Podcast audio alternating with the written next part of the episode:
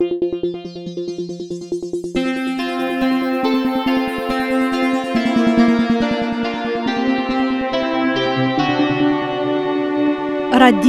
Esperanto Saluton, parolas Kaliningrado. La decen de junio dimanche, el la Kaliningrada studio de Radio Esperanto, vin salutas Aleksandr Korzenkov, kai Halina Gorecka. Vi auskultas nian kvarde kvaran son programon, kiu aperas unu jaron post la antava programo. Ce tiu longa pauzo, okazis pro tio, ke dum la tuta pasinta jaro, kai komence del jaro kuranta, ni ciu tage, krom la tempo kiem ni okupigis pri la ondo de Esperanto, del mateno gis la malfrua nocto laboregis pri nia enciklopedia projekto. Imago nur che ni havante etan ripozloĝejon en la charma banurbo Zelenogradsko, dum la tuta pasintjara somero ne sukcesis eĉ unu foion veni tien, ĉiam laborante tute sen ripoztagoj. tagoi. Citiu laborego finigis nur civintre, cae meze de aprilo ni povis premiera presenti la volumon Nia diligenta kolegaro en la giornalista domo en Vilno, la cefurbo de Litovio Eble vi memoras, ke niaj libroj jam dum pli ol dek jaroj estas presataj en Litovio. Sekvis majo, ke en majo mi devis akcepti gratulojn okaze de mia sesdekjariĝo. Ne nur gratulojn, sed ankaŭ donacojn. Inter ili estis tiu de miaj gefiloj, kiu donacis al mi la aŭstralian mikrofonon Rod Podcaster, kies sammarka antaŭulo paneis antaŭ kelkaj jaroj. Jen bonega donaco je mia emeritiĝo, kaj samtempe Clara aludo al daurigo de nia podcasta serio lancita anto de chiaroi. Do nun post la jubilei tumultoi, mi kun plezurego enmanigis la novan microfonon por alparoli vin. Post unu minuto vi aŭdas la somerkomencan Kaliningradan felietonon de Halina, kiu racontas al vi pri calcai locai novajoi. Efective, soile de la piedpilka mondpokalo – Nie regiono impete evoluas, kai presku ciu tage, oni inauguras novain monumenton, skvaron, ponton, biciclan vojeton, kai renovigas la cefein stratoin kai placoin. Sekvos Esperanto novaĵoj, prezento de la junia eldono de la Ondo de Esperanto kai fina del nuna programo sonas canzono el la sunplena Kubo. Bonan aŭskultadon!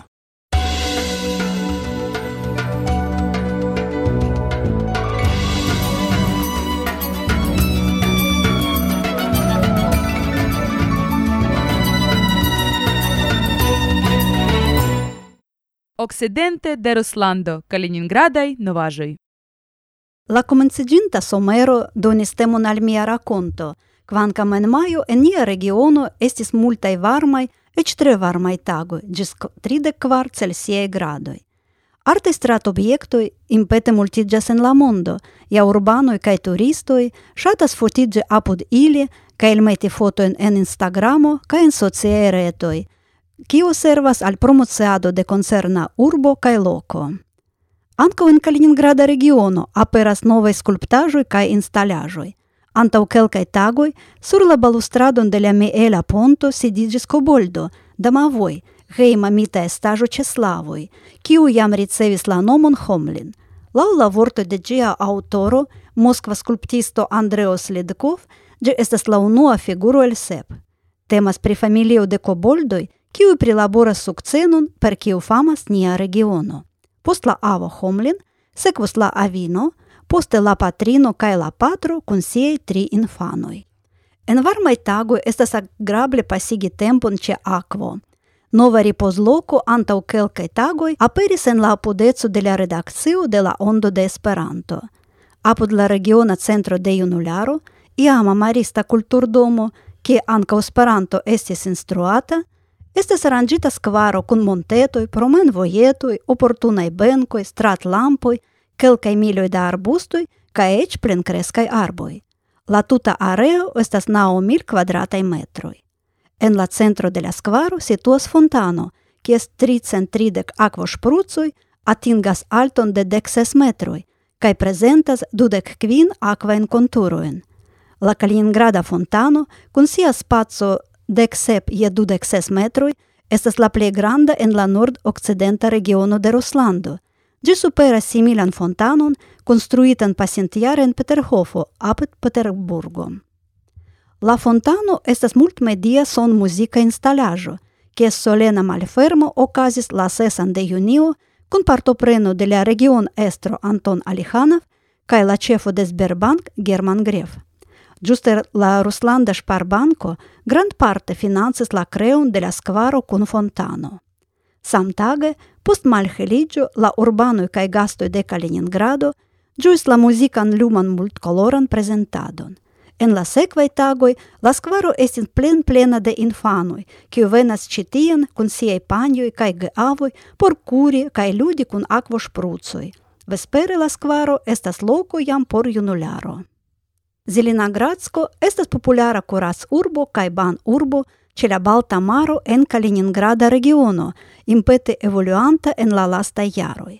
La urbanoj kaj gastoj de la urbo plezure notas ĝian transformiĝon, aparte de la avenuo kurortnej urbocentra promenstrato. La urbo nomas sin kuraca ĉefurbo de la Rusa Baltio kaj ĉiel strebas konforme al ĉi tiu mem difino – perfectigante la infrastructuron kaj organizante diversajn stratfestojn. Grandioza tritaga festo, malfermo de la kurac sezono, okazis dum la unuaj juniaj tagoj en diversaj lokoj de Zelenogradsko. Estis inaugurita la rekonstruita stadiono, ki okazis matĉo de usona futbalo inter la teamoj el Kaliningrado kaj Estona Tartu. En la okcidenta urboparto Okazis inauguro de kampadejo kun dek ok lignaj dometoj, laŭplane aldoniĝus dudek ok pliaj. La domoj havas elektron kaj akvon, interreton kaj meblaron, inkluzive de kuirejaj mebloj, parkejon, laŭbon kaj rostejon. En ciu domo povas lokiĝi de kvar ĝis ok personoj. Sed la ordinarajn en urbanojn kaj la gastojn, inter kiuj estis la parolistoj de ĉi tiu podkasto – pli interesis la amuza programo, kiu disvolviĝis en Zelinagradsko en pluraj lokoj. Via raportanto ĉesis nur parton, do ni aliĝis al la kostumita procesio ĉe la ĉefa urboplaco kaj gvidataj de Neptuno iris laŭ la ĉefa venuo. La unua halto estis por malfermo de la arta objekto la temporado, ĉe kiu per teatraĵo estis prezentita la historio de la regiono ekde la antikva ĝis la nuna tempo, kun kruckavaliroj, Reĝino Luiza kaj aliaj historiaj figuroj, ĝis nia juna samtempolino, kiu admire fotis la rimarkindaĵojn. La procesio haltis duafoje por enmondigi la statuon de du marvirinetoj, con eta spektaklo la la malnova legendo.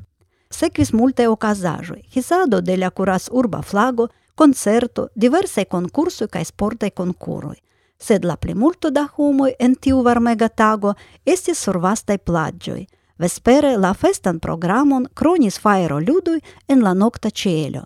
Venu alla Balta Maro.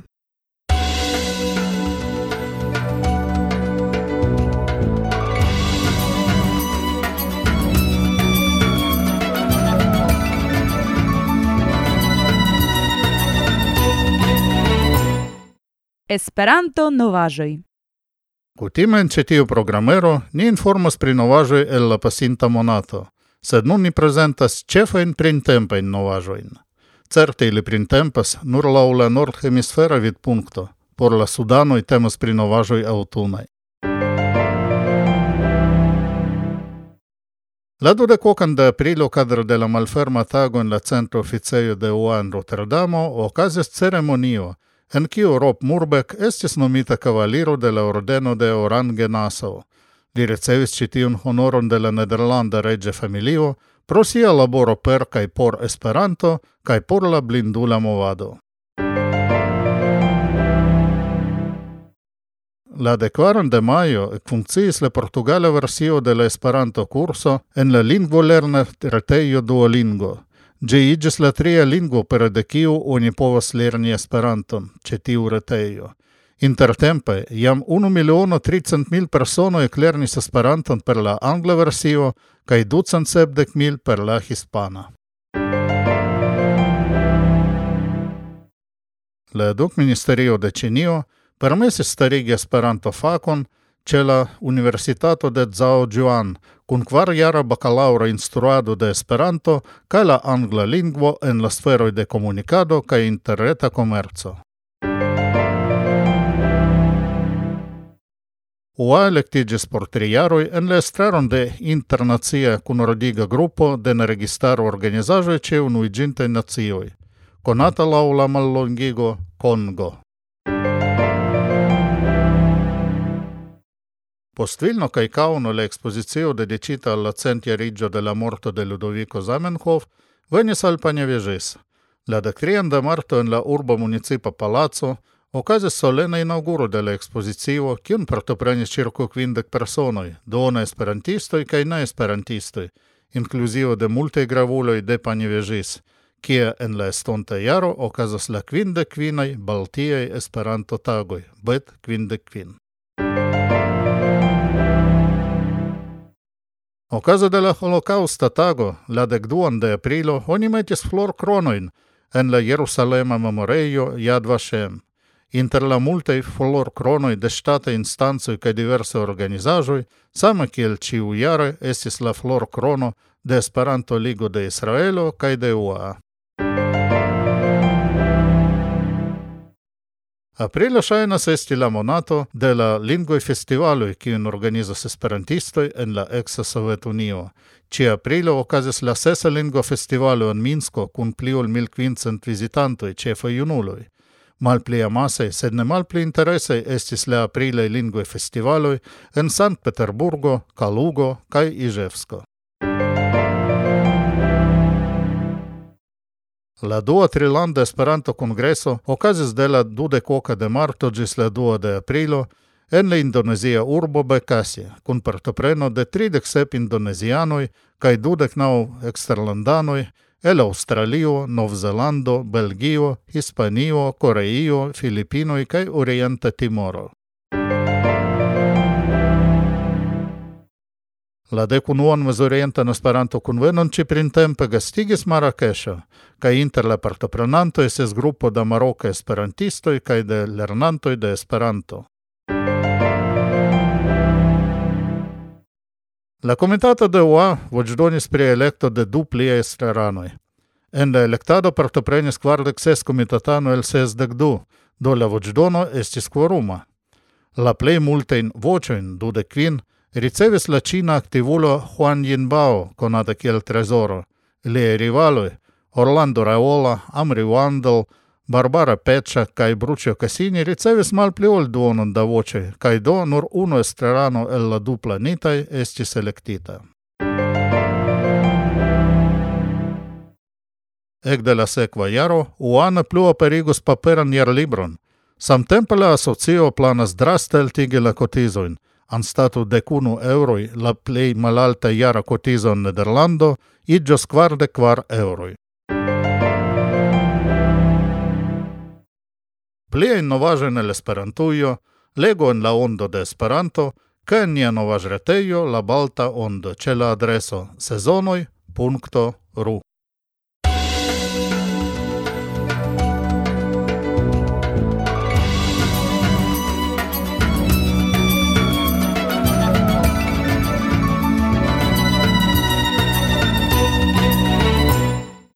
La Ondo de Esperanto, junio.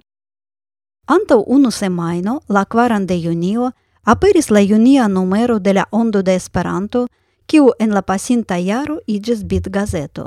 Ĉi tiu ondo estas nekutima. En ĝi mankas la kutimaj rubrikoj, eventoj, tribuno, mozaiko. Ĝi estas kvazaŭ festgazeto, koncepte simila al festlibro, Омадже ала редактору деля Ондо Александр Карженков, на скеджинта Антов Сездек Јарој. La speciala numero estas redaktita de speciala redaktoro, konata pola Пауло Фишер Котовски. Ли Paolo Fischer-Kotovski. Li intervjuis la jubileanton kaj aperigis la okpaĝan intervjuon sub Ла titolo La vivo de Zamenhof ĉiam fascinis min. La intervjuon garnas konciza biografio de Korženkov – farita laula la enciklopedieca stilu de nia diligenta collegaro.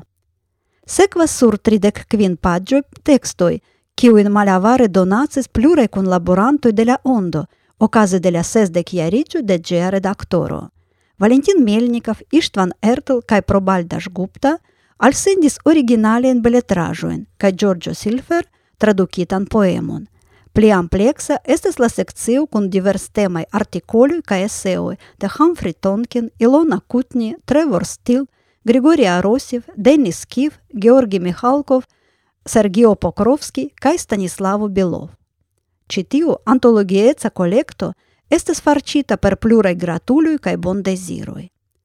Sed la plej granda, deksep paĝa materialo del speciala eldono – estas la dua parto de la bibliografio de Alexander, kiu listigas pli ol sescent liajn originalajn kaj tradukitajn verkojn, kiu aperis sur la paĝoj de la Ondo de Esperanto. La eldonanto kaj la redaktoro de la Ondo dankas al Paolo Fischer-Kotovski, kiu akceptis redakti ĉi tiun festgazeton kaj per tio ebligis al ni ĝui agrablen feriadon okaze de la sesdekjariĝo del l' ĉefredo. Ni memorigas ke la ondo de Esperanto aperas ĉiu monate krom aŭgusto kiel bitgazeto laŭ la normoj Podofo kaj Epubo. Jarfine ĉiuj abonanto ricevas senpagan literaturan suplementon. La Ondo de Esperanto estas abonebla kontraŭ dek kvin eŭroj por la tuta jaro ĉe landaj parantoj, UEA konto kaj per la internacia monpaga sistemo PayPal. Plia informo estas en nie retejoj esperanto-ondo.ru kai sezonoi.ru.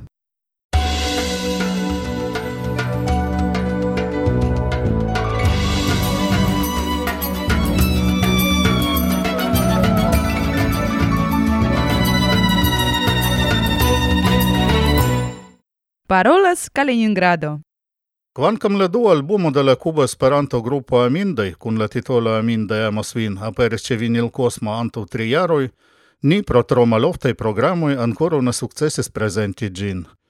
La albumo havas dekunu kantojn, originale verkitajn en Esperanto de Jaime Hinarte Diaz kaj Julian Hernández Angulo, kaj muzike aranĝitajn de Carlos Rafael Lolo Mendoza. Citiu cantoi kantoj havas variajn temoin – Invito serci la amon kiu povas esti cia, anekdotoi pri okazaĵoj inter havananoj kaj santiaganoj, kiu montras ke ne gravas kie oni loĝas, gravas nur la sentoj kaj tio, ke ĉiuj estas kubanoj. Respondo al diversaj malagrablaĵoj, kiuj ofte okazis al amindaj, alvoko daŭrigi ĉiam antaŭen, kaj atentigo, ke plorado ne solvas problemojn. Enestas en la nova albumo eĉ omaĝa kanto al Zamenhof. Citio al bomo, al vo che svindanze con amindei, che vi invita a svegna al cubo, con atigi con amindei, kaj con la bella e cuba i paesaggi e pere della tradizia Cuba kaj Latina America musico en Esperanto. En la nunaj varmaj tagoj, akiruč tiun diskon čevinil kosmo, kaj so nigođin survoji al strando, auče la strando. Kaj se en via lođ lokon un ne estas varme, Giù la cubana toson, auscultante la canzonon de Mindai, oni diras. Gis reaudo!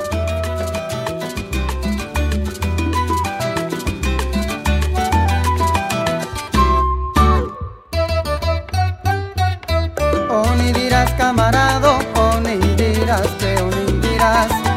Oni diras camarado, oni diras que oni diras. Que si a Mindai am ne cantas, deudas, ni dissecció ni paroles, ni credes que un immens hogas, car estas alia afero, camarado que yo mi vidas. Oni dirás que oni dirás,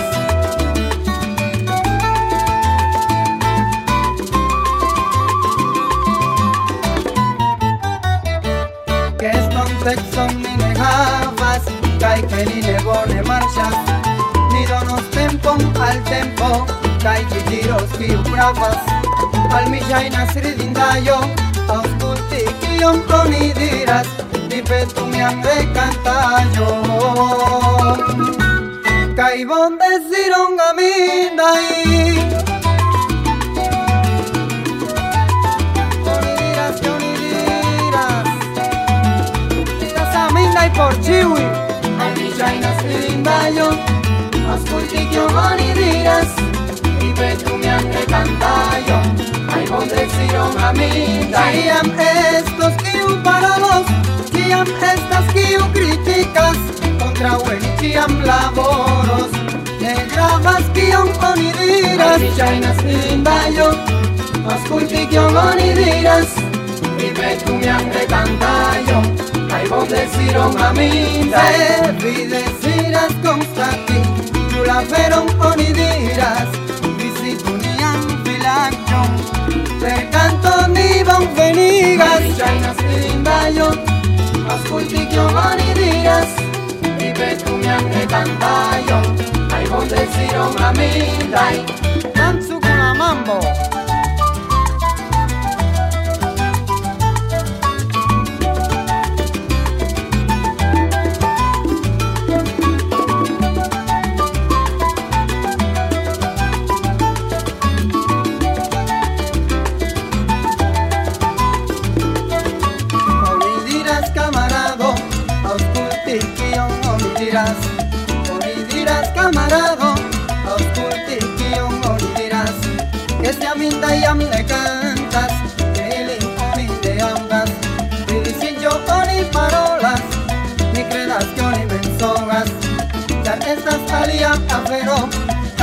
confío unidas, unidirás que unidirás, unidirás que unidirás, unidirás que unidirás, unidirás que unidirás.